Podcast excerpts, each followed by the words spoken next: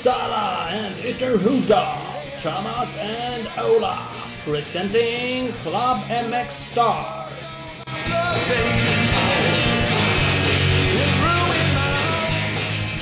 Hej och hå, nytt avsnitt. Har vi någon bra inledning sa jag till dig Ola? Ja, men Vi hade- vi hade inte det. Vi körde hej och hå. Du körde hej och hå.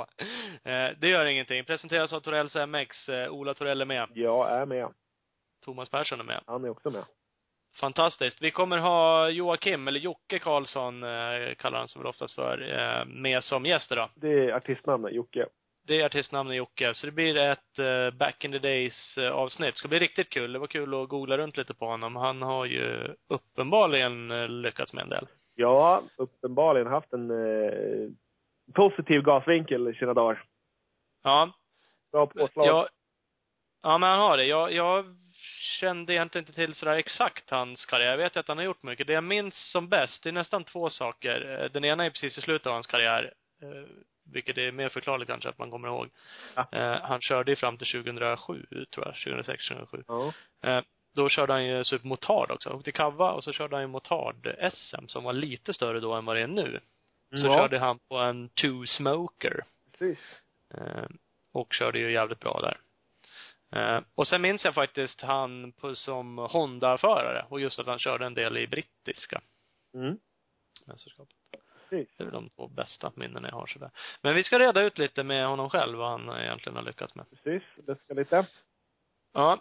Eh, vad har vi med? Det är VM i helgen. Det har ju varit någon veckas uppehåll nu. Nu är det Argentina. Mm. Det är det. Det känns spontant. Har du kollat banan? Ja, jag har sett den här helikopterbilden som finns, eller följer banan. Det, jag får ju lite uppfattningen att det är Velopoto som har skickat ritningen på banan åt dem. det, ja, så skrivs det lite överallt. Ja. Det var ju lite Thailand också än kanske. Ja, den var, Ja. ja absolut. Där var det ju väldigt mycket hopp och sådär. Den här är lite mera, den kändes mer som en, ja, inte vet jag, lång supercrossbana. Lite mer så. Men den här är ju, mm, liknar väldigt mycket en Nationals-bana, tycker jag. Mm, ja. Faktiskt. Mer än vad de här, eh, ja, italienska och eh, holländska och franska vanliga ordinarie GP-banorna gör i alla fall. Mm. Men den ser ju också ut att vara väldigt sådär uppbyggd bara. Ja, ja, absolut. Det känns ju som att det är någonting de har gjort. Att här ska vi köra VM. Det är inte så att här har vi åkt cross i hundra år. Nej. Nu ska vi köra VM. Ja. Nej. Det är ju så. Det blir ju skillnaden med de här tävlingarna. Ja, overseas-racerna är ju lite både och. Just. I den bemärkelsen liksom att de, ja, är tvungna att skapa någonting. Det känns inte som att det finns någon riktig motocross-historia i Argentina så att de har en, en gammal namurbana att dra på. Nej. Nej, de har väl inte det. Men eh, det blir kul att det blir VM igen. eh, Och eh, nu har jag inte sett så mycket om Anton och där, men jag antar att Anton är där. Filip vet jag är på plats. Mm, Filip, eh, han nobbade ju vår intervju vi hade tänkt med han och drog dit istället. Ja, jävligt fult faktiskt. Ja, jag var lite har- besviken. Jag tyckte han skulle ställa in flyget, men Ja, det kan ju inte ha funnits bara ett flyg kände vi. nej, vad fan. Får ju prioritera lite. Någon ordning får ju vara, kan ju komma en dag senare i överläggning. Han åker i det här VM ju. Ja, faktiskt. Såg någon jävla bild på någon balkong där. Han är väl bara där och solar nu några dagar innan. Myser.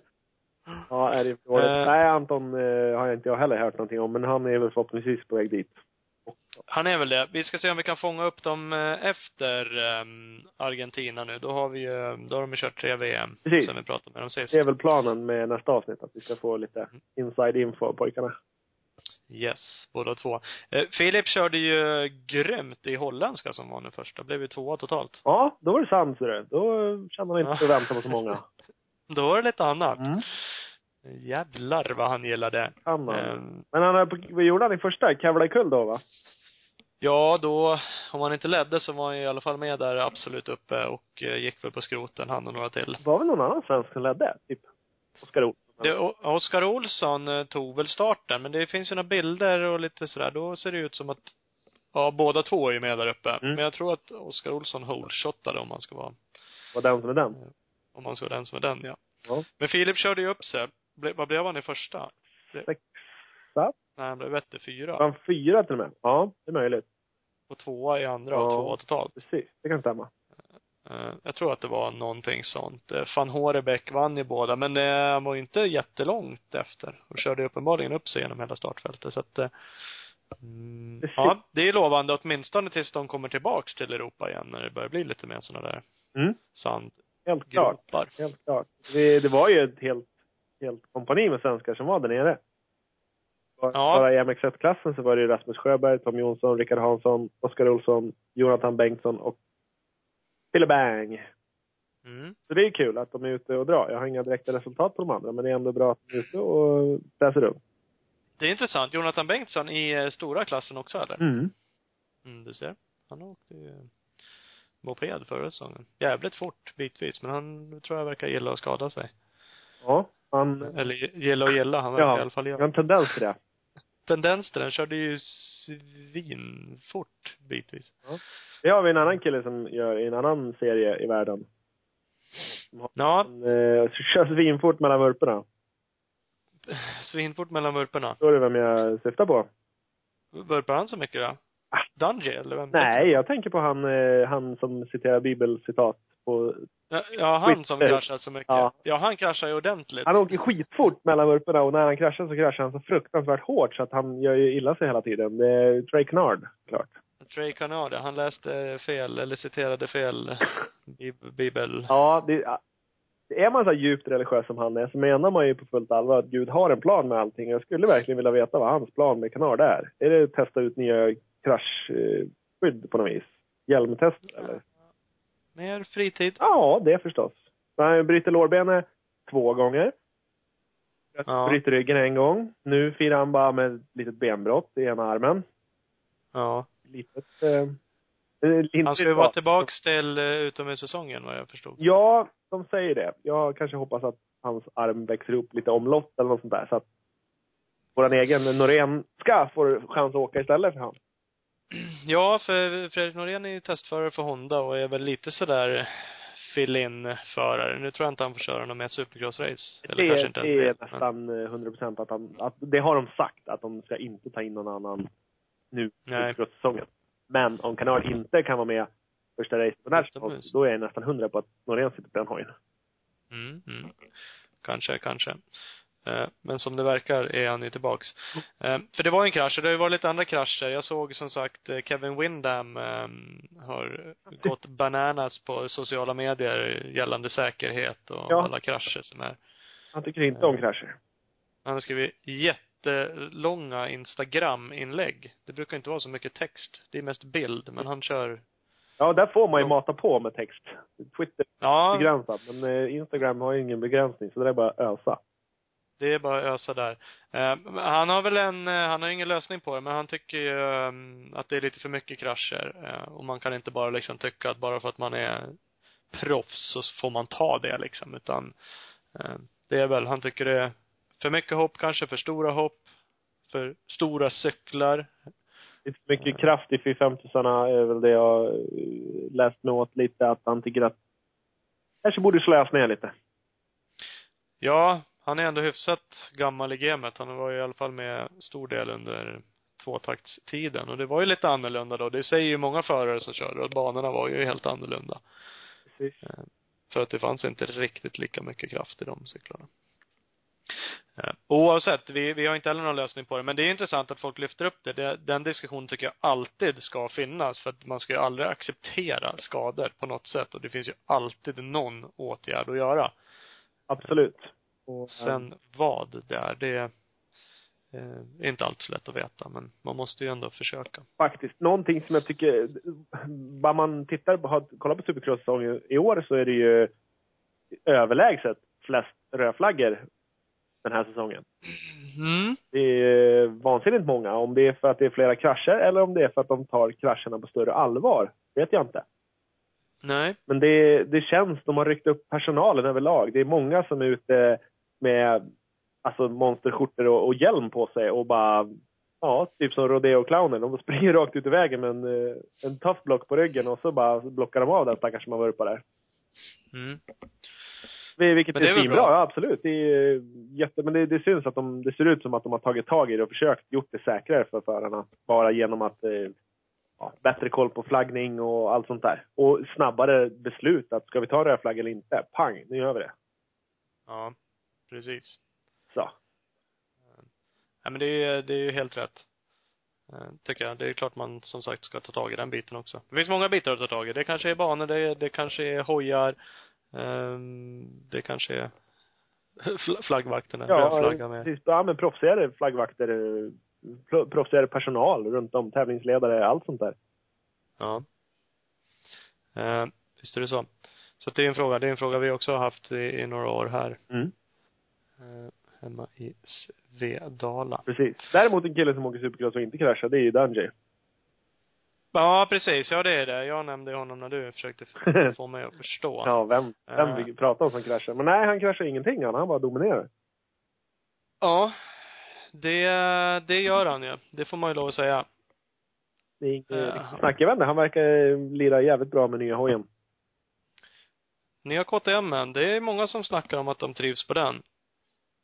Eh, Tycker jag faktiskt. Och det verkar ju se bra ut för honom i alla fall. Det är inget snack om det. Han, och han är ju, eller jämn, han har ju fan vunnit en jävla massa hit så att, Ja, det är väl i och för sig att vara jämn också då, men man brukar ju säga att han är lite tråkig och, eh, och inte är med där uppe och vinner så mycket. Nej, utan han bara rullar med som tvåa, trea och, och vinner mästerskapet på det. Men nu har han ju faktiskt klivit fram och vunnit hur många som helst i rad. Ja. Hållit på att showa och gjort heel-clickers när han går i mål och grejer. Precis. Den är inte dålig. Nej, det är kul. Ja, det är kul. Eh, ja, men det är roligt. En annan som kör supercross är Robert Lind. Ja, Han har ju faktiskt också kvalat in lite grann, så det ska ju han ha cred för. ja han har gjort det. Det har gått riktigt bra. Bara vänta på att han ska få åka main event något tag. Men han, Mm. jag vet inte. Det ser ut som han är, han plågas av fruktansvärt dåliga starter hela tiden. Mm, ja, och det funkar ju inte. Nej. Speciellt inte när man, han kommer ju kanske troligen alltid köra sista chansen och då lär man ju göra bra starter. Ja, Vi är tvungna att göra en Alessi där och räkna och bara chansa. Och sätter du green så, ja, då är det så. För släpper man ut kopplingen lite senare än de andra och är sist in, så spelar det ingen roll i alla fall. Nej, lite så är det. Eh, Men det är kul att han i alla fall är med och kör night shows nu. Han bommar ju lite i början där, så att han, eh, där har han kommit igång lite. Ja, fast han kom ju in i den här säsongen lite på, på svaj också. Ja, det gjorde han skada, så att det får vi... Han, han kan ha en liten warm-up-period i början, så inte det gör något. Ja.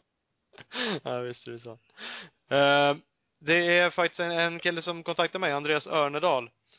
Eh, han var där, eh, jag tror att han sponsrar Lind lite grann ändå. Han var i alla fall i USA och såg några race. Mm. Fick med sig några dekalkit hem av Robban. Precis. Så vi slängde upp två stycken Tradera-auktioner. Nu blir det jäkligt tajt, men den som hinner lyssna på det här avsnittet sent ikväll, nu är det torsdag kväll, får gå upp tidigt imorgon för två stycken auktioner som går ut imorgon vid sju strax efter sju. På Robban Lind Dekalkit och där pengarna går eh, helt och hållet till eh, Robban såklart och hans satsning i USA. Exakt. Och eh, Örnedal dubblar väl upp till tusen spänn också, va? Yes, så är det. Örnedals traf eh, trafikskola i Norrköping går in och dubblar beloppet på varje auktion, upp, upp till tusen kronor per auktion och det är två stycken eh, dekalkit. Precis. Och kommer de upp i tusen spänn, så dubblar han det. Det är mer än tusen spänn, så lägger han tusen spänn. Yes. Det är Bra svinbra. har vi det. Det är mycket bra och den ena är uppe i 815 kronor och den andra är 315. Så att, eh, där får man kasta sig in om man, man hinner. Eh, vi ska snart ringa Jocke Karlsson. Mm. Vi ska breaka en annan jävligt rolig grej. Ja, framförallt för oss. Framförallt för oss. Eh, nu lyfter vi upp oss själva lite grann. Nu har vi kört podcasten. Det här är alltså avsnitt 32. Vi har snart hållit på ett år. Mm. Och då måste vi utveckla det Det här. måste vi göra. Eh, och vi har ju fantastiska röster, det vet ju alla nu. Ja, det Det är är liksom bara... en. Njutning att lyssna på oss. Eh, och nu vill vi ge folk en möjlighet att titta på oss. Ja, får se om det är lika stor Ja. njutning. Jag är inte säker. Nej, det, det ska man inte vara säker på. Men eh, man ska inte vara säker på att det inte är så heller. Nej, och jag googlade som sagt radioutseende. Jag hintade om det på Twitter att du skulle kolla. Ja. Och jag såg ingen bild på oss. Så att eh, jag tror vi kanske är gröna. Ja, ja men det är bra. Eh, det är så här att vi har eh, planerat att göra, eller vi kommer göra, ett studioprogram, alltså ett filmat studioprogram från SM, eller från tre stycken SM-deltävlingar. Så det blir Årsunda, det blir Västerås och det blir Haninge. Ja. Lördag kväll spelar vi alltså in. Man kan ju säga att det är en filmad eh, Club Star podcast. Ja, lite så. En eh, talkshow, talkshow-variant.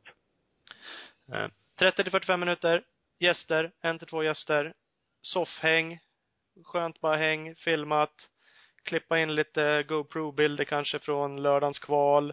Snacka lite om det med de förarna som är där som gäster. Precis. Eh, och eh, det kommer sen dyka upp på en eh, internetsida. Nära, Nära nära, dig. ja. Och sen så försöker vi väl i veckan efter sen, så fort som möjligt, sparka ut en podcast också då. Om eh, finalen och sånt. Precis, det är ju tanken. Nu kommer vi vara på plats. Eh, Så det är jättekul och vi, eh, vi kommer att göra det. Eh, Däremot är det ju som med allt annat. Det, det finns ju en liten budget och det finns en plan. Anledningen att vi bara gör tre är ju för att vi vill ju garantera att vi gör det. Och Viss del ekonomi kanske. måste börja någonstans mer känner vi lite. Precis. Det är klart, går det super, super bra, det blir jättestort intresse, tittare och eh, samarbetspartners, vem vet, det kanske blir något till den här säsongen. Eh, framförallt kanske det blir en hel säsong nästa år, Precis. 2016. Eh, så att det går bra där också. Är det någon som känner att fan det där är kul, det där vill jag vara med på. Eh, så kan man ju faktiskt slänga iväg ett litet meddelande till oss så ska vi förklara lite mer. Ska vi lösa någonting bra. Vi kanske kör någon eh, sorts drinkskola sista inför eh, banketten också. Det skulle vi kunna, där skulle vi kunna göra det. Och lite röda mattan, eh, Ja, lite sånt snack intervjuer. Ja. Det är vem som har fräsigast frisyr. ja, precis. Mycket bra. Ja. Eh, jag tror att vi tar och ringer Jocke va? Ja, vi kör. Kör, kör, kör. Jocke, Ja, men tjena Jocke. Hallå. Thomas Ola här. nu är vi med. Nu är vi med. Fan, jag var tvungen att sätta mig i bilen igen, men nu, nu har jag stannat. Ja, Nu är jag med. Alltså, ska du iväg på andra grejer? Nej, jag skulle hämta tjejen och jag var och hämtade tjejen precis på ridhuset. Jag tänkte han det emellan, men det gjorde jag Ja, ja. ja, ja, apropå det. Ridning har ju varit en grej du har sysslat med va? Jajamän. Ja, Jag gör fortfarande faktiskt. och du ser. Fick ett litet bakslag runt nyår bara när jag bröt armen. Annars så, annars så är utvecklingskurvan rakt uppåt. Faktiskt. Det är ju bra. Bröt armen när du red? Ja. Vi hoppade lite och sen, eh, är lite annorlunda med djur ja. Ja. Man kan ju ha lite egen vilja så, så jag får faktiskt dagen innan nyårsafton. Men det, det läkte ihop. Så nu är vi på det igen. Ja, det är härligt. Jag började en karriär tänkte jag säga. Jag gick faktiskt på ridskola när jag var, ja, då hade jag nog börjat kört hoj i och för sig, kanske runt tio år eller någonting. Ja. Eh, Men jag hade någon liten kort, kort ridkarriär. Men jag gick också några hopplektioner. Det var ju ganska så kul, jag säga. Jag tycker det är skitskoj faktiskt. Det är riktigt roligt. Ja. Ja, men det är härligt. Roligare än motocross? Eller är det bara det Nej. nu? Nej, nej det är det ju inte. Hojar, det är kul att köra hoj givetvis. Men det är både frun och dottern håller ju på. Så fick jag det i present av de två lektioner och tyckte fan det var mest jobbigt då. Men det, vi vart faktiskt en grupp som håller på där, ett gäng grabbar. Så att vi, nej det, vi kör. Ja. Helt Det blir så. Ja. Ja, jo, men det kan ju bli så. Ofta är det ju det som är grejen, alltså, eller om det är kul runt omkring. Är man ett gäng så är det mesta kul. Ja, jo det är så. Det är så. Eh, Så kan det vara. Ja, men vi ska inte gå igenom din eh, ridkarriär här. Vi tänkte prata mer hojåkning. Ja, det är väl lämpligt kanske. Ja. Det är lite, känns större det ämnet. Lite mer att prata om. Ja, lite mer om man samlar på sig. Det är några Ja, år. det är faktiskt. Ja, det är några år. Eh, men- men du är kvar. Du kör inte så mycket hoj längre, men du jobbar på Kawasaki. Är du produkt och säljansvarig, eller vad har du för titel? Ja, precis. Jag började där 2008 gjorde jag. Eh, jag Ja. höll på mest med crossen just då då. Och sen eh, har det blivit lite olika arbetsuppgifter genom åren och nu är jag ja, produkt och säljansvarig för Kawasakis motorcyklar då, offroad och landsväg så att säga. Och racingkoordinator, inte att förglömma. Inte att förglömma. Nej, men så är det ju faktiskt. Och det, hur ser det ut med det? Ni har ju kört ett lite större team i några år i motocrossen i alla fall. Ja, vi, vi drog ju igång det där, eh, eller det var väl tre, vi körde ju tre säsonger med lite större med trailer och allt det här ute då. Mm. Och sen eh, tills i år så vart det inte, det vart väl någon, lite missförstånd tror jag. Det gick ut lite rykten om att vi skulle lägga ner våran racing och allt möjligt där. Men jag skulle nog säga att vi, i år satsar vi nog mer än någonsin just på bredden ut och vi har ju vi har säkert ett 20-tal 85 som rullar där ute via OF och, och Ja. lite stora hojar också runt omkring. Och Linus Nylén är kvar hos oss, står på crosssidan. Han har ju varit med oss nu några år här då. Ja. Så det är väl han vi har själva hos oss på crossen just nu då. Och sen eh, kör vi lite mer runt OF då som de också är involverade numera. Mm. Så det blir inte, trailern kommer inte vara på plats i Vi år kommer- då på SM? Ja, vi kommer att ha, vi kör lite olika med den i år. Vi kör både roadracing, cross och enduro och, ja, och lite andra tillställningar också. Så den kommer att vara med på, på en av deltävlingarna men, men eh, det är ett gäng förare som kommer att vara med givetvis på, på eh, via tält då istället så att säga. Mm. Men tra- trailern kommer vi rulla ut på en tävling. Ja. Ja men det, det är ju häftigt med den här trailern. Nu är inte den allt, men det är klart det gör ju lite atmosfär i en SM-depå när det är lite eh, större team och när det är direkta team som ni har kört, att liksom Kava Sverige-team. Jo, Ja. precis. är ju, Absolut. är ju lite kul. Men det går ju upp och ner. Där ser man ju alla team. De eh, kommer och går lite och det är väl så det är. Ja, det är väl att man vill prova. Man vill väl göra lite allt möjligt och då tiden räcker inte till till allting på samma, på samma, på ett och samma år. Så det är väl därför man får styra om och byta lite och göra det på lite olika sätt då. Så att, ja. Men vi, vi är Ja. med absolut. Vi är delaktiga. Det är kul. Du nämnde att ni supportar lite 80-grabbar. Hade du själv någon karriär eh, från den nivån? Fan. Liksom, Karriär, när, när när vi körde då fanns det väl inga, det fanns väl inga riksmästerskap riktigt så. Det var ju vanliga tävlingar. Det gick väl, det gick väl bra eh, mot slutet där när man körde 80 innan man gick upp på 125 så gick det bra. Mm. Eh, Men det var väl inga, det var väl inga, ja, vi körde ju inga serier eller något sånt på den tiden. Det var mest enskilda tävlingar då, i olika distrikt så. Ja. Mygg, myggjakten typ var väl ett större sommar, så här, racen i sommar, Skara där, det var väl de större tillställningarna. Mm. Precis. Eh, för några, vi hittade inte, vi googlade ju dig såklart nu när vi försökte göra lite research. Ja. det, det- första som dök upp var en eh, artikel i Tranås-tidningen. Den var ganska ny. Från förra året tror jag. Ja, just det, Eh, med, med lillgrabben där va? ja, precis. Ja.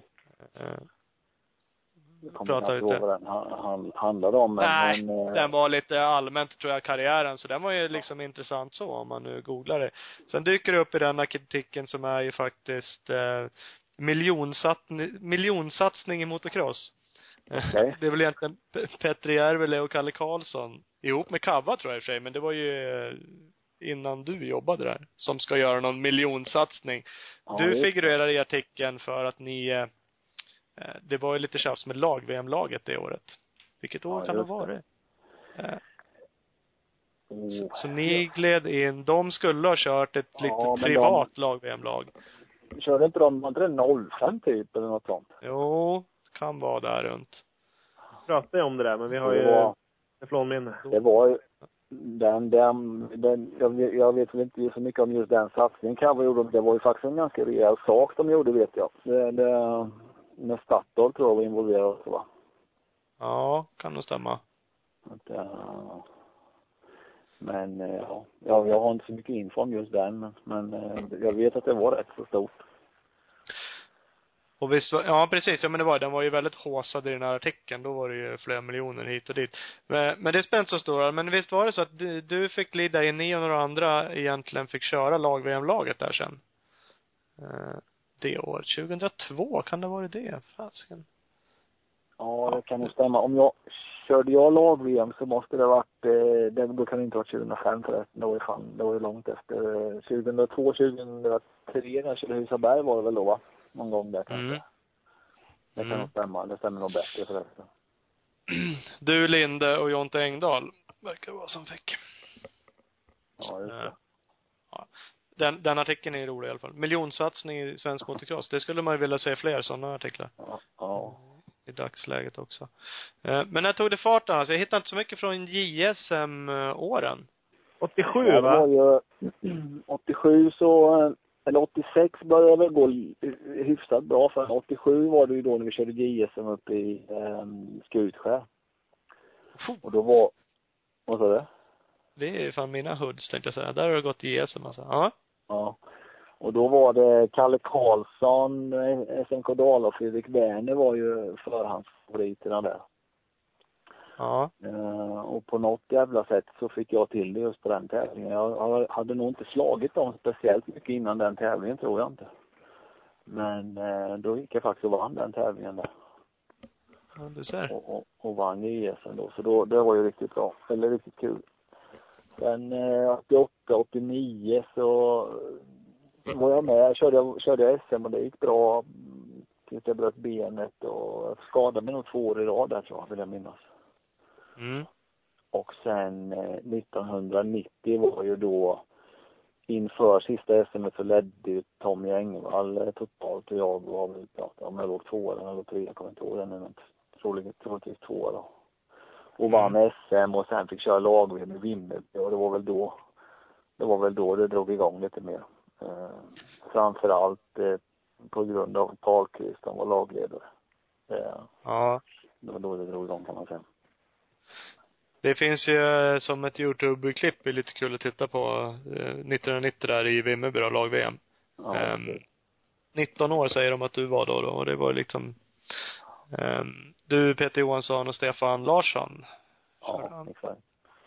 Och ni tog ju faktiskt brons, så att det var inte bara att ni körde lag-VM. Nej, nej det var, det var riktigt, riktigt, eh, det var fränt var det. Det var riktigt fräckt faktiskt.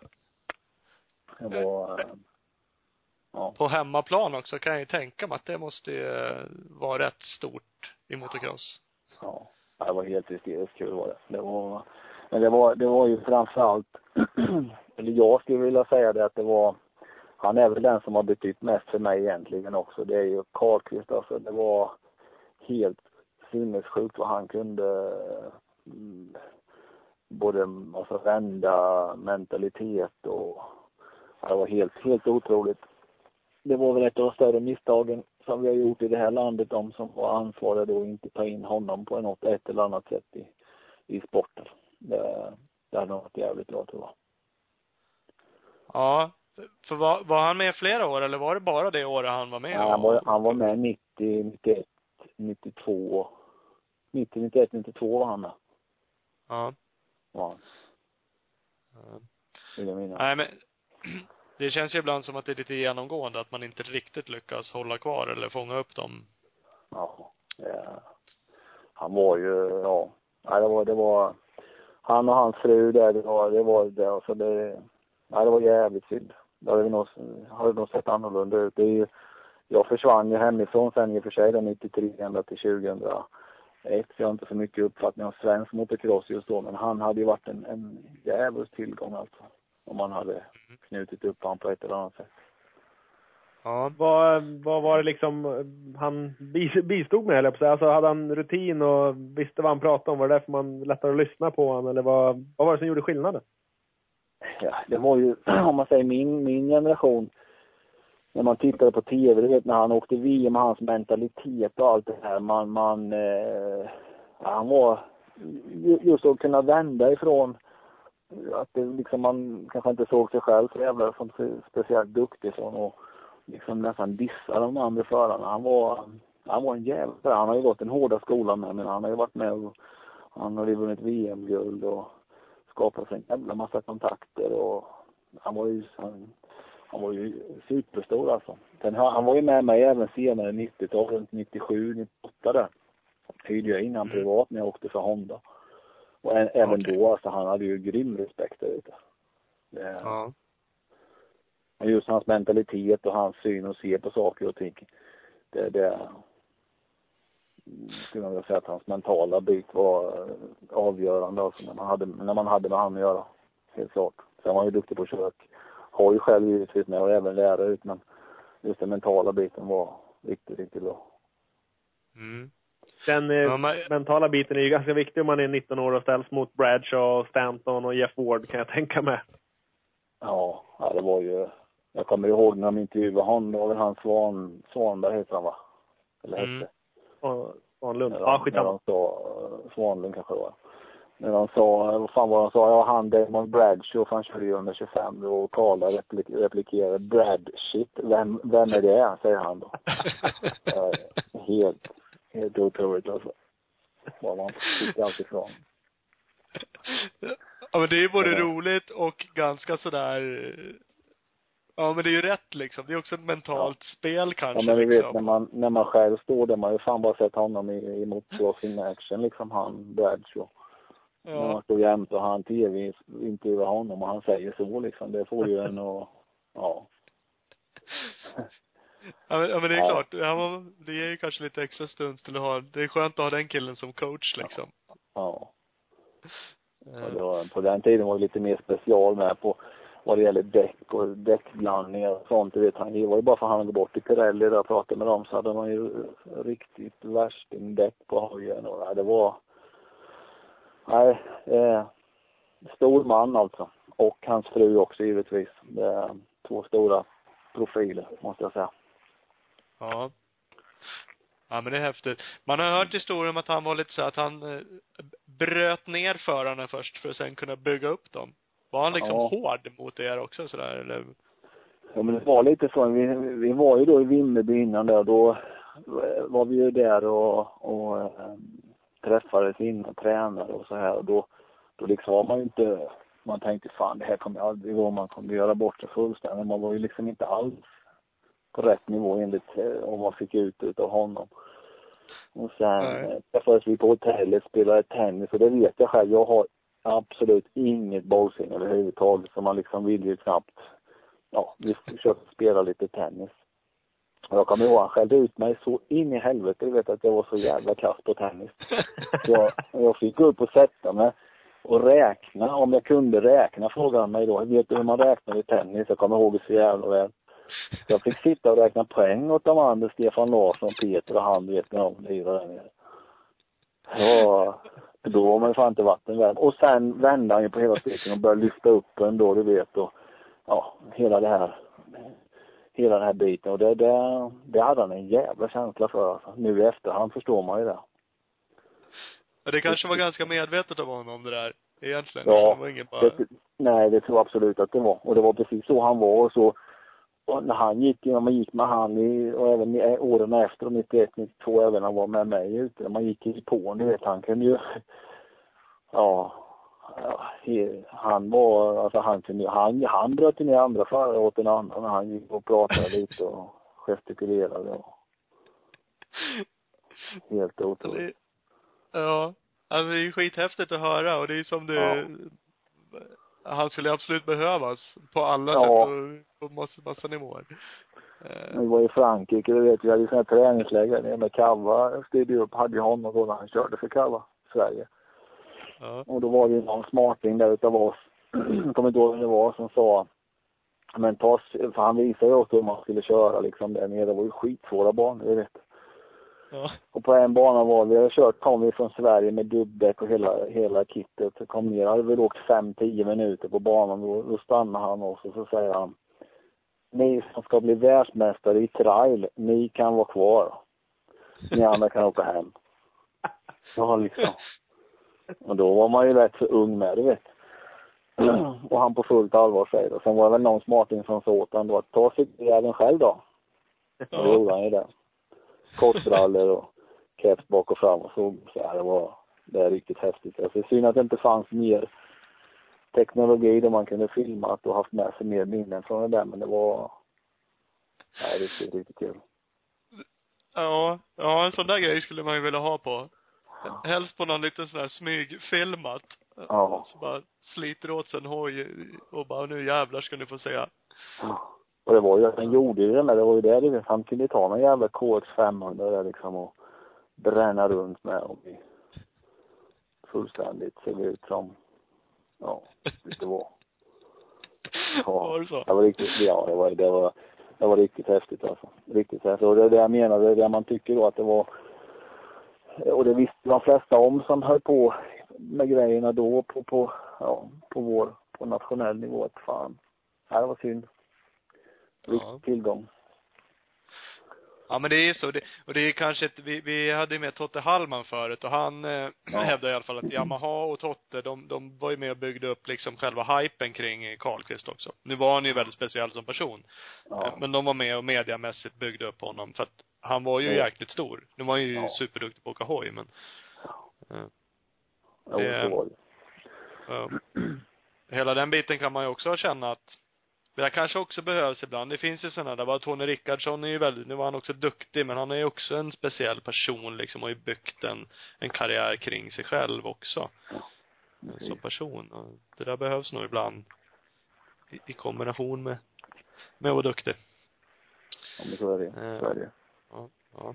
Ja, vi får se. Om det kommer upp någon ny Karlqvist. Ja, vet fan. Han, han, han finns fortfarande. Man är väl 60 Ja. han fyller väl 60 nu i januari. Så nog fan fortfarande vara en tillgång tror jag. Ja, så, har du någon kontakt med honom? Nej, tyvärr inte. Det är jättetråkigt, men jag har, jag har ingen kontakt med honom. Jag vet inte ens eh, om han, ja, han bor väl kvar troligt, vad jag vet, i södra Frankrike då, men Mm. jätte, jätte, jättetråkigt. Han skulle verkligen vilja haft kontakten kvar, men tyvärr inte. Nej, och det är ju så, det man hör, är, har han väl inte så mycket kontakt med någon, tänkte jag säga. Det har han väl såklart, men eh, inte så många inom crossvärlden i alla fall. Nej, jag tror inte det. Det känns inte så. Så kan det vara, så kan det vara. Ja, men det där var ni- 1990, då eh, slog det igenom tänkte jag säga. Då började det hända lite grejer då. Ja, då hände mycket grejer. Då var vi ju trea lagbilen som sagt var. Och eh, 91, sen körde jag kava och 92 också kava. Jag var väl 11, 91 och sen var jag femma ja, VM då individuellt i 92. Mm. Privat. Och sen eh, då låg jag hemma eh, i sängen och, och funderade på vad man skulle göra då. Det fanns inte så mycket att gå vidare på. Även om Kawasaki Sverige gjorde ju ett stöttade ju en jätte, jättemycket. Men man hade ju inte de internationella kontakterna som man kanske behövde då. Nej. Och då eh, ringde jag faktiskt ner till Keith van der Ven på Ch- Ch- Chesterfield Suzuki. Ja. Och sa till honom om han fixar en hoj till mig så kommer jag ner och, och, och kör liksom utan att, inga, ingen ersättning för det utan att man bara fixar min motorcykel och det tror jag givetvis för honom när, jag, när man är femma i VM och någon ringer och erbjuder sig att köra motorcykeln bara. Så jag vart ju den tredje föraren i det här teamet då. Ja. Och eh, ja, kom in där och vann första heatet på året. Sen skar hojen, i- ja, sen skar hojen i andra heatet, det var inte riktigt lika bra. Det är mindre bra. Men, eh, men sen låg, låg vi där och tampade så det var ju Pedro Traktor var ju med och uppe i toppen också så det vart ju, ja, han skulle väl vinna VM då. Och han Ja. vann och jag fyra vet jag. Mm. Då körde ni i samma team där eller? Ja, köpte så? för Suzuki då. Ja. Med Leon Gisbert också då som för holländare. Mm. Så det var väl lite kyligt där på slutet. Jag var väl inte riktigt med på det som de kanske ville där då att eh, mm, försöka hjälpas åt för att vinna, vinna VM var ju det absolut viktigaste då. Mm. Så då eh, försvann jag därifrån till 250-klassen och åkte för, eh, för Rikskava då 94. Med Ja. Jan de Groot som team, teammanager ihop med Alec Wright ifrån England. Och Stefan Everts var första förare. Och sen var det jag och Jamie Skevel som var, och en japan var med mig. Vi var fyra förare då. Ja, du säger 94. Vilket team var det sa du? Kawasaki. Ja, Bara. också Kawasaki. Det var ju det officiella fabriksteamet då. Ja. Och då eh, var det också, gick det också jävligt bra till Uddevalla-VM där. Så jag var, kraschade ihop med Greg Albertin där. Och slet sönder axeln. Tyvärr. Så jag tror jag slutade, fan jag var 13 eller något det året. Skulle inte köra Ja. så mycket tävlingar efter det sen. Och 95 så hamnade jag och fick jag kontakt med den här engelsmannen då, Colin Reed. Det är också en person som har betytt mycket för mig. Jag körde, då skulle vi köra Kava egentligen, men det blev Honda. Mm. Körde vi Honda i två år och sen var det full fabriks Honda då 97. HRC 250. 97, 98. Och sen hoppade vi på den här hybriden 99. Det var väl ett av de sämre valen man har gjort kanske. Det är extremt svårkörd maskin måste jag säga. Men Vad var det för cykel? En Honda också eller? Ja, de byggde om Honda 250 med 500 motorer i. Jaha, de, för det var då, var det aluramarna kom där eller hur var det? Ja, det var innan Ja. kanske, ja. Nej, det var, då, det var ju då när aluminiumramarna kom. Mm. Och det var ju, ja vad fan, det var livsfarligt svårt den jävla motorcykeln skulle jag säga. Det var, det var inte alls gjort för en sån motor. Den ramen var alldeles för kort. Så då hade vi några år där och Öhlins slet sitt hår för att få ordning på den där. Men det, de gjorde verkligen, verkligen ett bra jobb. Men det var ju fortfarande lite för, för mig i alla fall, lite för svår motorcykel att köra. Ja. Så det vart aldrig något riktigt bra resultat. Självförtroendet sjönk ungefär i samma takt som man körde den där skulle jag säga. Vilket år var det som den kom, hybrid? 99 körde vi den. 99, 00 och 01 körde jag den. Tre år då. Ja. Och sen, eh, ja, till 02 så hade jag inget förnyat förtroende där från deras sida var kvar och det kan man väl förstå efter resultaten som var då. Jag tror bara jag Ja. var sju, sjua, sjua i 500 VM. Men något av de där åren. Men det var ju fortfarande inte riktigt, ja, på den nivån vi skulle vara. Sen kom ju fyrtaktarna då också, en efter en Husqvarna, Yamaha och lite alla möjliga hojar där kändes det som. Så att Mm. Då till 03 var väl återigen var man väl på väg, visste inte riktigt vad man skulle göra. Då kom jag i kontakt med Jackie Martens och körde Husaberg. Mm. Och då körde vi det 0, 02, 03 va? Ja, 02, 03. Mm. Och då, inte fan vilket av de där två åren det var, men ett av åren vann vi ju SM, i, SM på den där maskinen. Det var väl första, det var nog fan det första enda SM-guld de vann i cross tror jag, Husaberg. Ja, 03 03 ja. vann det i alla fall. Eh, 02. 02 så har vi hittat siffror på att du var tvåa då. Ja, just det. Edberg vann det året tror jag. Ja, precis. Ja. Med 11 poäng. Och du missade ett hit av någon anledning, så det var inte så Nej, långt det var lite, efter. upp. och det var också jävligt intressant för just med Husaberg när de började jobba med To- Thomas Gustafsson vet ni säkert om det och, och Jens och de som var på Mm. Husaberg, Örn grabbarna där. Det något större hjärta för motorcykel får man fan leta efter alltså det var helt otroligt. Jaså? De, ja, de var, det var, de tror jag kunde ha ringt precis när som helst på dygnet och de hade kommit och fixat om det var något. Det var, och då körde vi ju för Jackie Martens men man var ju hemma och åkte lite SM och så. Ja. Men eh, ja, det var, det var riktigt fantastiska grabbar att jobba med alltså. De hade så stort hjärta för sitt märke, det har jag nog aldrig upplevt någonstans tror jag. Det var riktigt, riktigt häftigt. Ja. Ja, det kan jag tänka mig. Men det är ju klart, starta upp i Sverige då. För då var det väl i alla fall helsvenskt. Ja. Husaberg då? Eller helsvenskt. Ja. Och Roland. Örn, han lever tyvärr inte, han finns inte bland oss tyvärr längre, men han var ju en, eh, han var en riktigt häftig kille alltså. Det var, han kunde det mesta. Men då var de, för då körde du för Jackie Martins team, Husaberg Ja. alltså, men det var ju direkt för, ja, direkt för Husaberg, så de var med och gjorde, hjälpte till med allting. Ja, de var ju det var ju utvecklingsavdelningen var ju, eller då tillverkade de hojarna uppe i Rörfors heter det? Heter det så? Mm. Utanför Askersund. Ja. Ja. utanför Laxå. Då gjorde de ju fan hojarna där och, och monterade. Det var väl bara ett år sedan köpte vi KTM det där då. Och då flyttade de in. Men utvecklingsavdelningen var ju kvar i Sverige Ja. och var så väldigt, ja, ända till det vart Husqvarna. Ja, precis. Så de, eh, ja, de visste vad de höll på med, helt klart. Ja. Nej, det är riktigt häftigt faktiskt. Kom de från Husqvarna på något sätt, de människorna, eller hur var det? Eller Thomas startade de upp? Gustafsson, Thomas Gustafsson kommer från Husqvarna där va. Och sen var det väl, jag kommer inte ihåg vad han hette nu, men det var någon mer kille där. Um, fan, var inte det Elvin, Stefan Elvins farsa, om han var involverad på något sätt också där ett tag. Jag kan göra så svårt att, jag kan, jag kommer inte riktigt ihåg det. Men Thomas var ju definitivt därifrån. Ja. Ja, Ja, han är väl kvar på Husqvarna idag. ja, ja. Ja, precis. Eh, ja, men det är häftigt. Men Ja. då var, för då körde du VM fortfarande sagt med Husabergan där. Ja, det gjorde vi. 0-2-0 ifrån.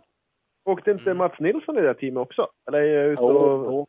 Nej, Jo, jag hade, jo, hade då. rätt. Jo, Ja. ja. han, kör, han körde innan jag kom dit. Han var väl, fan inte han började efter 10, 00 kanske till och med. Jag tror Okej. 00 eller 01. Och sen var han med ett år och sen körde väl Miska Altonen kom också in i det teamet och så då, sista året var det jag, Altonen och en ryss som var med. Då när jag Okej. körde. Okej. Ja. Jo, så Mats eh, var ju med då. Mm. Han var nog jävligt bra för Husaberg tror jag. Han, han var ju, han är ju, ja det är han ju än idag. En jävligt slitvarg så han testade nog ut en hel del grejer. Mm. Ja. Ja. All evighet kändes det som när han höll på. Precis, vi har, vi har haft med han i något avsnitt och han läm- verkar inte lämna så mycket åt slumpen direkt.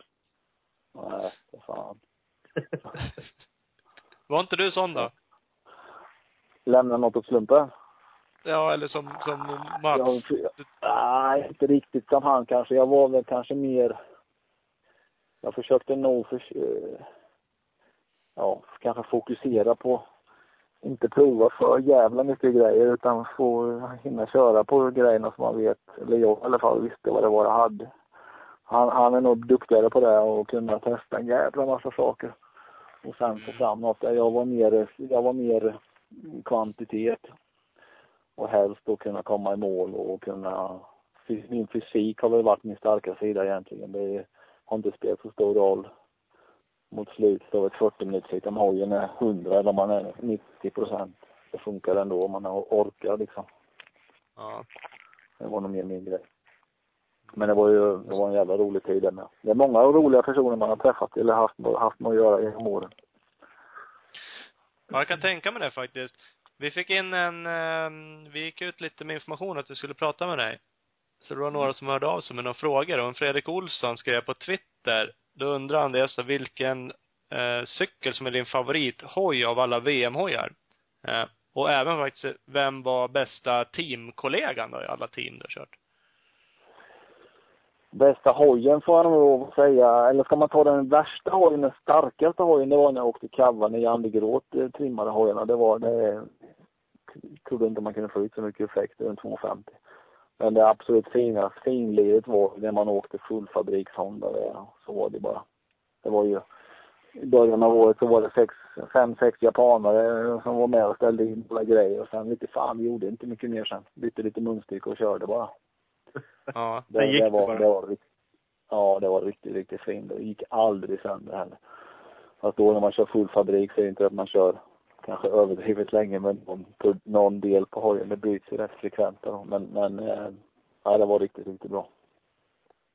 Ja. Det är riktigt häftigt. För det var eh, 97 va, som det var just Ja, 97. värst. Ja, När det var det kavva-tiden där då? Det var 94. Ja.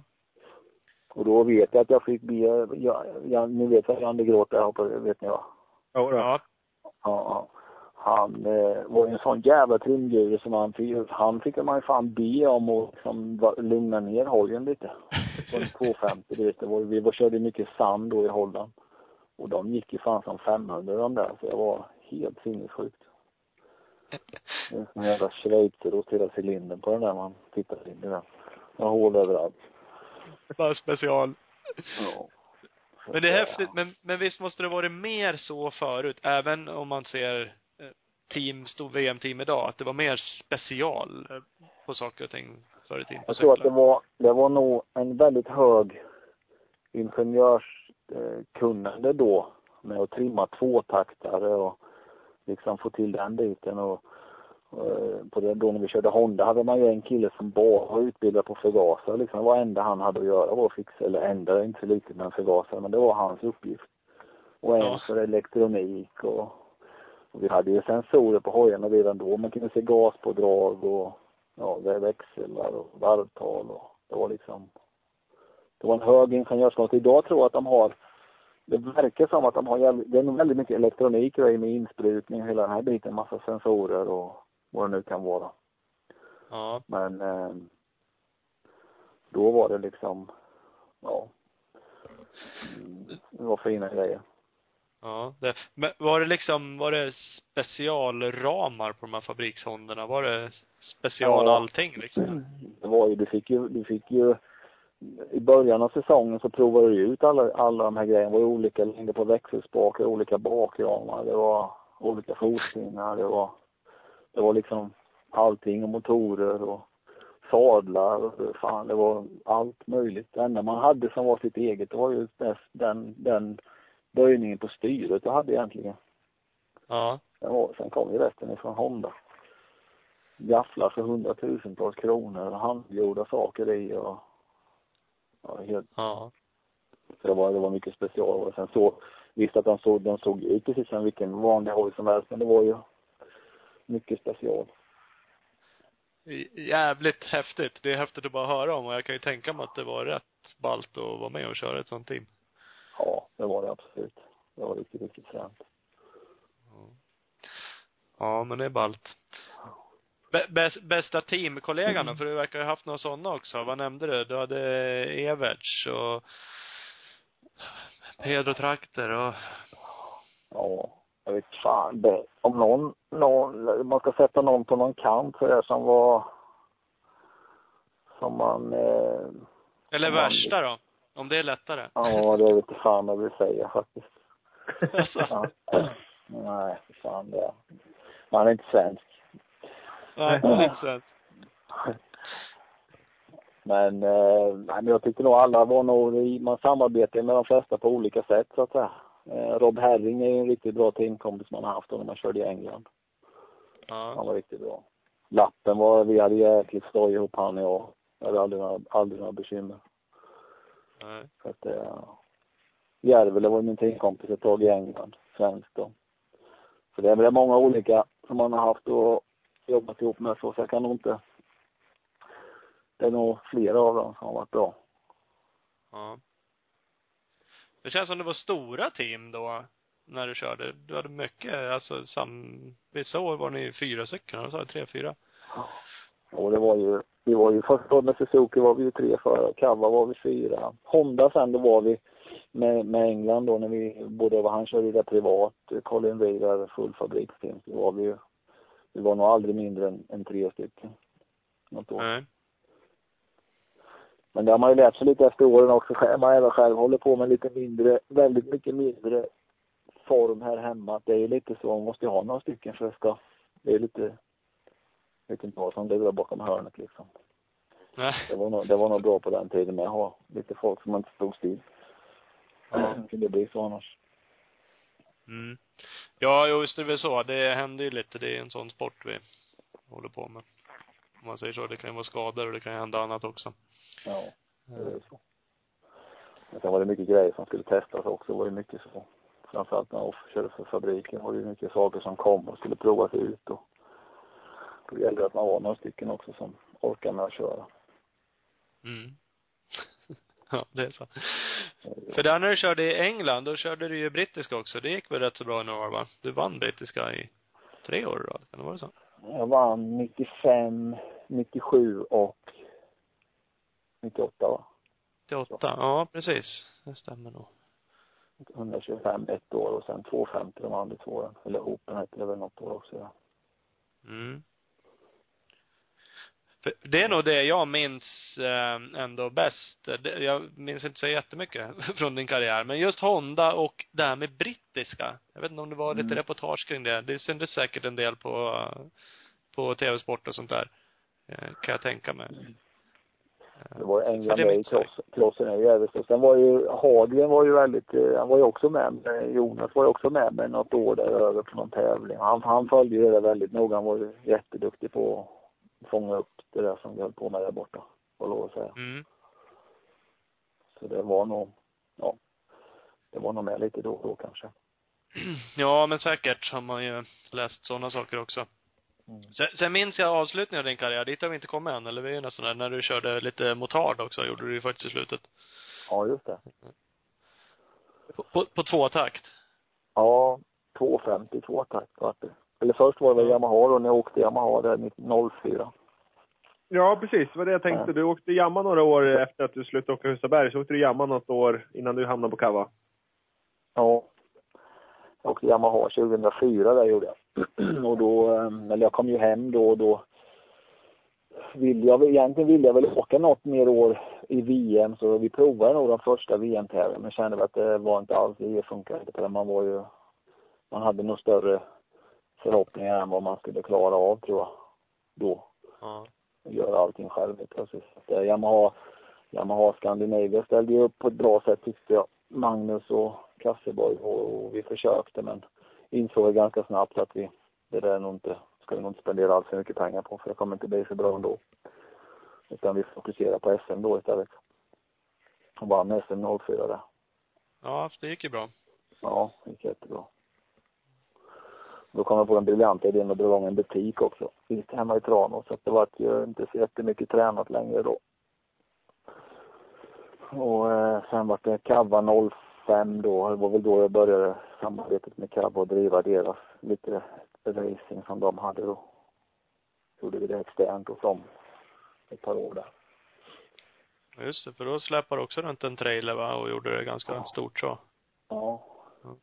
Ja, förmånen har en väldigt bra, kom, väldigt bra kompis som har sådana stora bilar. Ja, det är bra. Hänger på på alla tokigheter. Och även nu.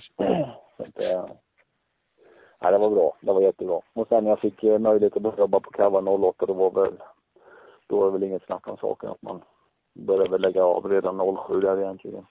Körde väl något efter Ja. 06 vill jag minnas. I cross då. Ja, Men, precis. Tolva hittade vi totalt. ja. Ingen lysande placering. Det har slutat något år tidigare kanske. Ja, du vann 04, men sen var det ju femma 05. Det är ju inte så jäkla dåligt. Då vann du ett hit, Ja. eh, verkar det som. Och du körde bra i mitten av säsongen där. Ja. Eh, Och då kan jag vara tvåtakt då. 250. Ja. Nej, Det kanske sen, varit eh, svårt att hänga med på den också, för då var det väl rätt mycket fyr, fyrsmällare. Du var väl rätt Ja. ensam då på tvåtakt, eller ensam, men. Det var väl inte optimalt kanske, men det, det funkade väl bra så. Jag tror det var mer min fysik som inte hängde med riktigt längre där. Det går nog fan att åka fort på en sån där också. Därför att man har, har förutsättningarna själv så att säga. Mm. Men, eh, ja. Nej, det var väl dags att tagga ner lite där tror jag. Och så vart det ju sen då. Motarden är ju lite annan grej. Det kan man ju köra på lite annat sätt. Det kan man inte vara jätte hurtig för, kan jag inte påstå. Då ska man ha lite tryck på bakhjulet helt enkelt. Ja, det, när det går på det hållet, värre än man har tryck, för, lite för mycket tryck och det blir highsiders av det, då är det inte så bra. Är det inte det? Nej. Är det stämmer. Då får man en jävla slungeffekt när man trycker ihop fjädringen så här riktigt mycket och då skjuter det ifrån. Mm. Mm. Men det var jävla kul det med och där hade vi, var ju, har vi ju faktiskt en Svemo håller väl på lite nu tror jag, en tjej där jag träffade på mässan för att försöka få upp med motorer lite. En jävla häftig sport alltså. Och många duktiga killar som vi har här hemma som kan köra. Mm. Så att det, det um, vi, har vi faktiskt eh, signalerat vårt intresse från Kawasaki att kunna vara med kanske och hjälpa till lite där om det så att få lite struktur på det. Ja, för det känns som att det var ganska stort när du åkte där, vad kan det vara, 07, 06, 07, 08 eller när det nu var du åkte runt. Ja, det var, och då var, körde ni ihop med rallycrossen också va? Ja, det var ju det det var så jävla stort då när vi, det var ju fan, ja, det kunde ju vara allt mellan fem och 10-12 tusen åskådare på de här tävlingarna. Mm. Och det tror jag, för, för en annan var nog det riktigt bra just tävlingsbiten, för det var jävligt mycket grus då. Och det var ju fördelaktigt när man var crossåkare. Ja. Då, det var ju där man kunde tjäna mycket tid. Och så asfalten är ju lite mindre, mindre marginal att kunna göra bra med tid, tjäna bra med tid på. Så det var nog därför vi fick, jag tror jag var två, jag var två SM där, något av åren på 250 och det var nog mer eller mindre på grund av att vi körde mycket grus på de tävlingarna. Ja. Ja, jag tror man skulle varit kvar, försökt att vara kvar där något år till kanske för att få en liten stabil bas att stå på vad gäller motorer. Man, av förklarliga skäl ville man kanske gå ur att det var, man vill väl ha mer asfalt helt enkelt och det förstår man ju de som vill köra asfalt, absolut. Mm. Men eh, vi kanske klev av det om det nu hade gått att fortsätta. Det är inte säkert det heller i och för sig då, men. Men en trevlig Nej, det är det ju inte. Jag hade ingen insyn alls, men det bara kändes så här, och så här i efterhand när man hade tittat och då var det stort, då kändes det som ett lustigt att bryta det. Ja. För, för bilsporten och rallycross känns som de har en ganska stor publik liksom, bland annat då. Och det är ju alltid bra om man ska hålla Och på. de, jag tror att de, eh, den uppfattning jag fick var nog att de bilåkarna tyckte nog vi var, de tyckte nog vi var kul, roliga att se på vad det var för idioter som for omkring, precis som vi tyckte med dem med sina bilar. Det var ju liksom, det var en win-win situation kan man väl säga. De som kom och kollade på motorcyklar såg även bilar och, tvärtom då. Ja. Ni hjälptes åt att lyfta varann lite kanske? Ja, jag tror det. De lyfte nog oss mest med sin publik givetvis, men vi hade nog ett trevligt inslag i det där med mellan heaten, absolut. Kanske det då, asfaltera lite extra sträckor så man kan dra motardsträckningen på lite mer asfalt. Fast köra det ihop på liksom de arenorna som finns för, ja, de rallycrossbanor och sånt. Ja. För annars finns det, som sagt, nu känns det ju jävligt dött. Det är ju kul om de tar tag i det. Men det känns ju bra avslaget Ja. motard idag. Jag har inte följt det så mycket nu på slutet. Jag vet bara att det finns en del för en del riktigt, eller många bra åkare som kan köra det där, helt klart. Mm. Så att, eh, men jag vet att, eh, jag kommer inte ihåg vad hon heter tjejen på Svema där, men hon eh, träffade henne på mässan och hon verkar driftig. Mm. Hoppas att det blir något bra där. Ja, det får vi absolut göra. Då kan du komma tillbaks där och köra det. Håller inte du på och bygger ihop en gammal Cava 500? Eller har jag drömt att jag har sett det? Jag köpte en av Johan Eidehage faktiskt. Men eh, jag kommer underfund med att han, den här, den, ja, inte fan, det var nog inte min grej riktigt det där med 500 fortfarande. Fick lite sån här iskalla kårar från Honda-tiden kändes det som. Alltså. Sen, ja. Så det håller, jag faktiskt på att göra ordning min, eller jag har inte börjat än. Min, jag köpte tillbaka en VM-hoj, 125 från 91 tror jag det är, 91 eller 92. Ja. Så den ska vi fixa till lite. Det, det är häftigt i och för sig. Men 125 till så här, nej men det är ju skithäftigt. Och det är häftigt att ha, kan jag tänka mig för dig. 250 hade varit optimalt så man har lite, man är ju vältränad nu med mycket muskler och så. Man har väger lite Ja. Precis. Ja, du skulle ju ha en sån där värstingtrimmad Jan de Groot. Ja, fan. Ja, det är rätt långt. ja. Det är klart. Då kan du lägga på dig några kilo. Nej då, så att vi, jag kör lite emellanåt så. Jag har ju förmånen att kunna låna någon hoj ibland för att kunna åka lite. Det är trevligt. Mm. Ja. Eh, det kan jag tänka mig. Mellan hästturerna. Ja, precis. Men annars, det stod om grabben där i artikeln som sagt. Det är ju någon karriär, Ja. eller, eller bromsar du den karriären? Nej, jag varken bromsar eller skjuter på. Jag, jag gjorde det med min dotter. Sköt på lite för kraftigt där så hon tyckte inte det var så kul sen. När hon slog så Nej. jag höll på. Men eh, han får köra i sitt takt. där. Vi har, han har hoj att kunna åka på så att vi, han är bara sex år än så det är ingen jättebrådska. Men klart han ska få. Vill han köra cross och vi kan hantera det så kommer vi nog göra det lite, det tror jag. Men han rider faktiskt också så att det kan bli det med. Kan bli det också, ja. Ja, du ser. Bättre. Köp Ja. en stor hästgård bara och skaffa en jäkla massa hästar. Ja, nej för fan. Det man lugna ner sig lite med. Ja. Ja, det är väl så. Ja, Ja. nej. Det är intressant att höra. Du har ju onekligen eh, gjort en hel del. Alltså du har gjort riktigt bra resultat och du har ju kört i jäkligt mycket häftiga team. Eh, Ja. och Ja, det, det har varit en, varit en väldigt, väldigt trevlig resa faktiskt, måste jag säga. Det är, eh, har inte varit tråkigt på något sätt.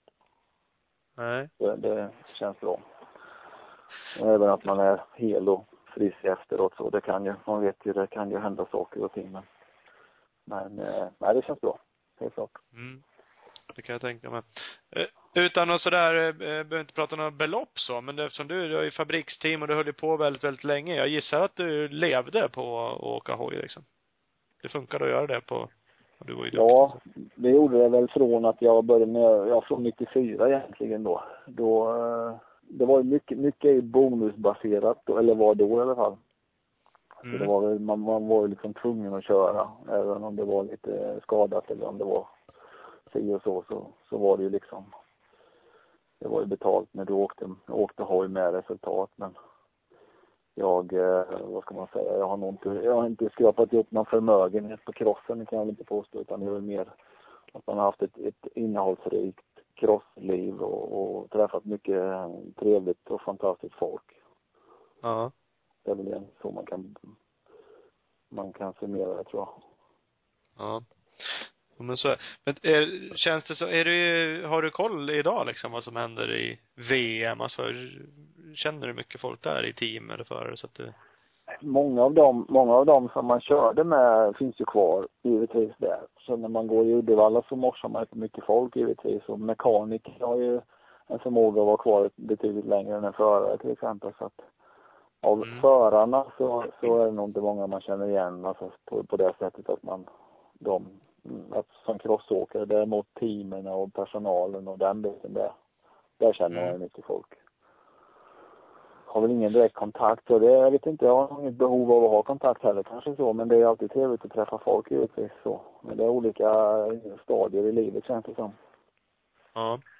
Så att, eh, men visst känner man igen mycket folk, så är det absolut. Men, nej, men det är ju så här. Vad tror du spontant då? Var det bättre förr eller bättre nu? Eller vad tycker du liksom om utvecklingen av VM om man säger så då? Eller för svenska förare liksom. Vad har de för förutsättningar att ta sig ut?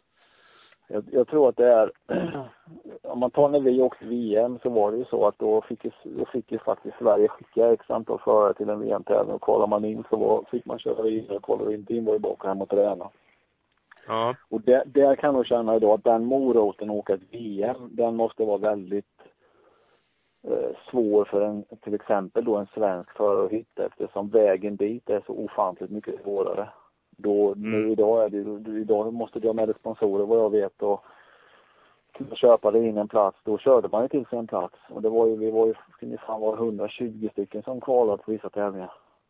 Mm. Det, det kan jag tycka Sen har ju Longo gjort ett bra, de har ju gjort ett bra jobb givetvis att få lyfta fram sporten men ja, jag vet inte fan, det är på bekostnad av, av vissa saker är det ju helt klart. Och idag, tittar du på VM idag, det, du har ju inte alla nationer, alla nationer är inte, är ju inte representerade heller och är det några länder kanske har väldigt många förare så att det är extremt svårt idag att nå dit. Så det, där kan jag tycka att det här systemet inte är Eh, Sen vet jag, har inget svar på hur man skulle göra heller men Nej. du kommer bara till en viss nivå idag på, på, på dina resultat och hur du kör motorcykel och hur du tränar och det du gör och sen, sen är det ekonomiska begränsningar som styr det sista tror jag. Mm. Det kan känna att det är det- lite dumt. Mm. Jo, men det är den bilden man får. eh, Nu är det lätt att liksom tänka tillbaka, så när folk pratar då, ja, VM när ni åkte så fanns det som sagt var, det fanns lite ersättning om du kvalade in och det fanns lite prispengar och eh, det gick liksom att hanka sig fram lite grann sådär och göra, och du fick ju framförallt åka som privatförare. Um, och det, det känns ju som att det är borta. Ja. Ehm, samtidigt som du säger, jag kan ju hålla med om att vadå, går man runt i Uddevalla, det är ju, det är ju en rätt schysst tillställning. Det är ju jävligt proffsigt på många sätt liksom. Så att, eh, Ja, absolut. Det måste vara en annan morot på ett annat sätt. Jag har ju hört folk som har varit liksom nere i typ Österrike och ska åka VM och ja, kvala inte in nu, då har jag inte pengar att åka hem. Så Nej. att, Ja, det var ju lite, det var ju så. Så var det ju. Sen, det är ju, ja. Sen tror jag att man, man tappar, man har inget svar på hur det hade sett ut idag men alltså om du tänker att du har många nationer och många förare från varje nation, det, det vallfärdar ju fan folk till tävlingarna tyckte man ju förr. Idag har vi en bra publik i Uddevalla men det är den enda, det är att kanske det beror på att det är den enda stora tillställningen vi har i närheten då, där vi kan åka och hitta. Så det kommer alltid komma folk så, men om man tar eh, i Sydeuropa över övrigt så var det ju en jävla stämning alltså. ja. Mycket folk. Så att visa att det har blivit professionellt det är alltid positivt naturligtvis, men sen, ja, jag vet inte det. men Uddevalla har ju blivit lite, vad ska jag säga, det blev lite så här festgrej. Folk åker dit och super huvudet av sig. Sen om de har sett cross på den här eller inte, det, ah, det var inte så noga.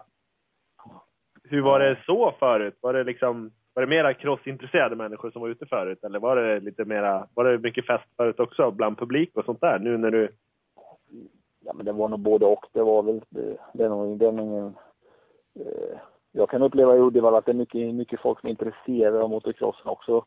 Absolut. Och det, det var ju även förr, var- det var ju öltält och det var ju fest och, eh, givetvis så. Men det var, det var ändå, på något sätt så var det lite annorlunda. Den var lite mer relaxed på något vis.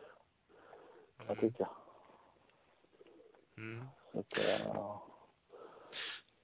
Ja, man får ju Ja. den känslan. Det, känns- det kanske är det där proffsiga, för ibland kan man ju känna att fan, motocrossen kanske är lite mer ja vad ska man säga, bonussport. Det kanske ska vara lite ute på vischan. Det ska inte vara så jäkla uppstyrt. Det behöver inte vara eh, fina VIP-grejer, utan det ska vara korv och eh, öltält eller medhavd eh, matsäck liksom. Att det är det som lockade förut, just den ställgrejen. Och att mycket förare som sagt och, ja. Jag tror att det, att det blir professionellt är ingen nackdel, det tror jag absolut inte och alla med tysta. Men just att det, just, jag skulle, jag skulle vilja se en öppning för, för flera förare att få åka. Det är väl det man känner. Visst att vi kan få med lite svenska förare hemma på Uddevalla. Det är en sak, men, men att man ändå på något, ett eller annat sätt skulle vissa platser kanske vara styrda till de olika nationerna, att man ändå ska kunna få vara med. Det är det jag känner att man, fan idag, du kan ju, på den tiden vi körde, det kunde ju dyka upp en ryss som bodde liksom hundra, hundratals mil bort. Mm. Som hade liksom varit en, gjort någon form av, av eh, väldigt genomtänkt planering under flera års tid ihop med det förbundet och, och kom dit och var riktigt duktig och var med. Det, det var ju, alltså det var jävla överraskningar. Så ser man ju aldrig idag. Det är samma sak här. Vi, en svensk, det kan hända mycket med en grabb eller tjej med för den delen på, på ett par år liksom. De Ja. överraskningarna ser man inte. Man vet ju hur startfältet ser ut. Du vet ju hur det ser ut i år och även nästa år. Om man tittar lite på åldrarna på grabbarna så händer det inte så mycket eh, på namnen. Nej. Nej, absolut. Nej, att så det, är det kan, där kan jag känna att man, där skulle man vilja se, det sker, alltså professionellt uppstyrt på alla sätt och vis, det är nog, det är nog ingen nackdel så. Men att det fanns någon form av öppning att andra förare kunde komma och vara med. Ja. Det tror jag Det var så positivt. låst. Nej, precis. Ja, vi får väl se. Han har väl livstidskontrakt, Luongo. Förmodligen. Sitt liv i alla fall. Sitt liv. Ja, precis. Kanske hoppas han droppar av snart. Nej då. Han, han, han, han ligger nog fan i och gör, jobbar stenhårt så, men just att man, ja, jag vet fan, någon kom, kan väl kanske komma på den idén hur man löser det, men få med lite mer förare. Man Ja, tycker att eller annat. kombinationen borde gå proffsigt och ändå ha det Mm. lite mer öppet. Lite underdogs som kom dit liksom och var med och drog. Ja. Absolut. Jag, tänk, jag såg en grej bara, nu hoppar jag tillbaks eh, en bit. Ja. Eh, ska jag säga. 93 körde du ju faktiskt lag-VM också. Eh, Ja. Och då var ni, tog ni också brons. Ja, det gjorde vi. Det är inte så jävla dåligt att ha kört två, eller du har kört fler lag-VM, men tagit brons i två lag-VM. Det händer inte så ofta heller i, i Sverige i alla fall. Nej, inte nu kanske det inte gör det på det här sättet, men eh, vi var ju, det var, bub, fan det var Bubben och Jörgen va? Som var med Ja. och kan det vara så? Tror jag. Jörgen Nilsson och Ja. Bubben. Ja, kan nog stämma. Jag har inte hundra koll faktiskt. Men det var ju, det var ju, de var ju toppåkare då. Bubben var ju extremt duktig. Jörgen var ju jävligt duktig också så att det var, Sverige var ju på den nivån då. Men det är det Ja. man kan känna. Jag tror att man, man kände nog det lite själv när banorna började bli lite annorlunda och man inte riktigt var med i matchen och då samtidigt som den här eh, andra omstyrningen kom in i VM. Det var väl då vi tappade mark skulle jag vilja säga. Vi fick inte Ja. vara med helt enkelt. Nej. Ja, det är så. Vi hamnar liksom utanför då av någon Ja. konstig anledning tänkte jag. Det kanske inte fanns pengar eller fanns inte. Vi har inte så mycket egna team. Det kanske var den delen. Vi har väl inte haft så mycket svenska team liksom. Någonsin kanske. Nej, och det är, det är svårt kanske för den svenska marknaden att kunna göra så stora saker. Det är alltid svårare givetvis när marknaden är mindre. Men, men eh, vi har ju många duktiga förare i Sverige som även idag som förmodligen skulle kunna växa ytterligare genom att bara få komma ut och köra. Mm, delta, det ser vi med som i Finland förra året på lag eh, när de var grabbarna körde liksom. Det var ju, de mm. kan ju, helt klart. Visst är det så. Apropå det att vi har några svenska förare. Visst var ni med och eh, drog lite i Filip Bengtsson va? Ja. Mm. Det gjorde det faktiskt. Eller ihop med Europa. Eh, Europa-avdelningen kan man väl säga. Ja. Men det tog lite för lång tid tyvärr. Men eh, jag vet inte om det hade funkat heller med den. De- Det kom ju hit en annan förare av lite stor kaliber som förmodligen tog lite av bygget. Tror du det? Ja, någon En liten del. Ja, halverade lönen på alla nere på Europakontoret för att få honom. mm. Mm. Nej men det, Nej, det, ja, det hade varit skit, det hade varit skitkul att att fått just med, men vi har ju många, det kommer väl fler år, de är inte så gamla de där, det kommer väl lite nytt folk underifrån där så att det, mm. hoppas att Kava, är ju, Kavas inställning lite så ute också är ju att kanske skandinaviska sidan kanske skulle behöva en liten skjuts också just med att kunna eh, exportera ut någonting också. Mm. Det, det är Men inte- man rätt liksom, nu känns ju Filip framförallt en sån, jag tycker det, för han har ändå blivit ett namn i Sverige i alla fall. Det, det är lite snack kring honom. Ja. Ehm, och det är klart, vara med och hjälpa honom ut är ju intressant. Och jag tyckte det var kul att bara höra att det var flera som faktiskt drog i honom. För det känns Ja. inte som att det har hänt så mycket de senaste, det har inte spelat någon roll om du har vunnit SM-guld, det har liksom ändå varit, ja, du, du får Nej, någon det- styrning, någon, men det liksom inte hänt så mycket. Nej, sen är väl SM-guld är en sak. Det är en stor bedrift att vinna SM-guld givetvis. Men som Filip, har varit ute och dragit internationellt och visat det. Och han är en jävligt duktig kille, framförallt i sand då. Och Mm. kunna visa dem det med att man kan köra motorcykel det är det. Och jag menar just med svenskarna, att man inte, det är svårt att komma ut och visa upp sig överhuvudtaget. Mm. på stora, på stora tillställningar så att säga. Det är det som är problemet lite tror jag. Ja, jo det är väl så. Och Sen kanske då även, eh, även eh, Jonte gjorde ett jävligt bra jobb med de medarbetarna han hade med sig. Så att det, fan det är ju, det finns, det finns både förare och bra kunskap här hemma hos oss som definitivt kan användas och lyftas ut, det tror jag. Mm. Jo, men det känns som det. Det gäller bara att hitta rätt format att få med alla på det, det, det tåget liksom, på något sätt. Precis. Ja, men så är det. Men det är kul. Det känns ju som det händer lite nu eh, med Filip då, körde bra förra året och kör vi en hel VM-säsong. Anton är ute. Vi har ju ett gäng grabbar som kör, kommer köra EM. Um, Hjortmarker börjar väl så fort eh, GP kommer till Europa Ja. igen.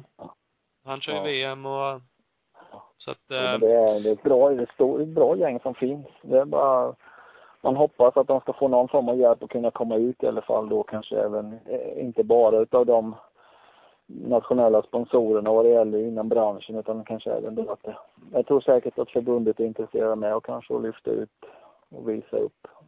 Var nog, skulle vara Mm. förvånad annars.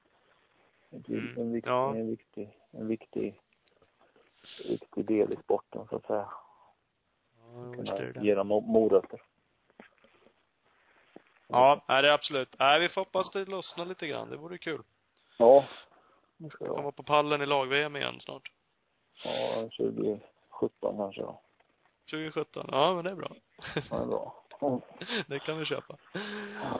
Ja. Nej men vad kul. Det var jätteroligt Ja. att prata med dig. Detsamma gubbar, detsamma.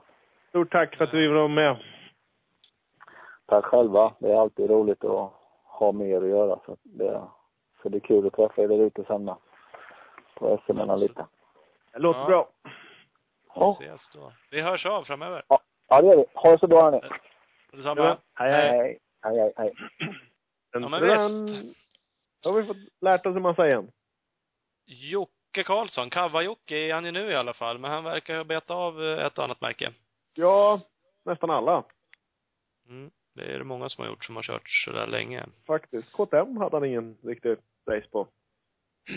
Nej, vi gick aldrig in på det i alla fall, så jag vet inte om man har sladdat runt på en sån någon gång. Kuttla och Huska var väl det som inte kom upp. Resten verkar ha varit med och dragit på Mm. skaplig nivå med. Så att det är kul. Fabriks, Fabriks Honda 97, 252 takt var ju i alla fall det värsta. Det var i hojen där. Värsta, värsta. Ja, det lät ju som att det var också. Fan vad coolt det där är när liksom, äh, vi testar svingar, ramar, motorer. Bara ropa dit förgasargubben bara som satt där på en stol och väntade på att han skulle få byta munstycken. Mm, fast den, eh, alltså fabriks, fabriks Honda, det är väl, det är väl the shit i alla fall. Det spelar ingen roll. Jag tror det är det värsta värsta. Det- känns fan så jävla Fabriks. Och har känt På riktigt. som det värsta sen, ja, sen de började liksom. Nej men det, det var det då liksom och det känns fortfarande som att det är bland de värsta, mest påkostade teamen, mest koll. Ja, det gör fan det. Det är häftigt. Helt klart. Helt klart. Ja, men vad härligt. Ja, ska vi runda eller har, hade vi någon mer grej? Nej, vi hade ju en veckans snackis i sociala medier. Ja, vi har ju ett eh, Facebook klipp som vi kommer dela och lägga upp lite. Mm, vi ska slänga ut det på mxstar.se och på Facebook-sidan och lite sånt där. Eh, Det är ju, för ett tag sedan, det var ju några månader sedan, då var det ju Rookie White som drog på någon sju helvetes quad. Ja, quad heter när man hoppar över fyra, men sen när han hoppar över, ja, 28 Jag hopp en- som. En okto, Ja. ett oktohopp. Ungefär. ja, det var ju helt sjukt. Eh, och nu är det väl Scott Champion, är det något klipp som snurrar de senaste dagarna från eh, Pala Raceway. Eh, och det är ju inget, alltså just det hoppet kanske inte är världens största så, det är fler som har hoppat det. Eh, Ja, fast han, det ser, det ser sjukt coolt ut. Kolla på klippen. Ni kommer bli imponerade. Jag lovar. Ja, det är just det där att han pancakar det där jävla jättehoppet och så kommer en annan kille som ändå ser ut att vara rätt så duktig på att åka och hoppar ju som en normal människa skulle göra. Eller som du och jag kanske skulle göra. Ja. Eh, Och det ser så sjukt ut när han liksom hoppar förbi honom bara. Då är det omloppsbana bredvid. Mm. Men vi slänger ut det. Dunkar vi upp. Eh, Jajamän. Eh, och annars så räknar vi med, faktiskt med att köra med Filip och Anton eh, nästa vecka efter Argentina. Får se när de kommer hem därifrån. Vi har inte riktigt något exakt datum. Precis. Då dyker vi upp igen. Och eh, ni som lyssnar nu, snabba ryck direkt in och buda på Robban Linds dekalkit. Pengarna går direkt till Robban. Yes, Och- så är det. Ni som vill vara med och supporta vårt studieprogram på kommande SM, hör av er. Då löser vi något. Jajamän. Skicka mail, ring, twittra, Fin, fint. instagramma. Vi kör på det. Hej då. Hej, hej!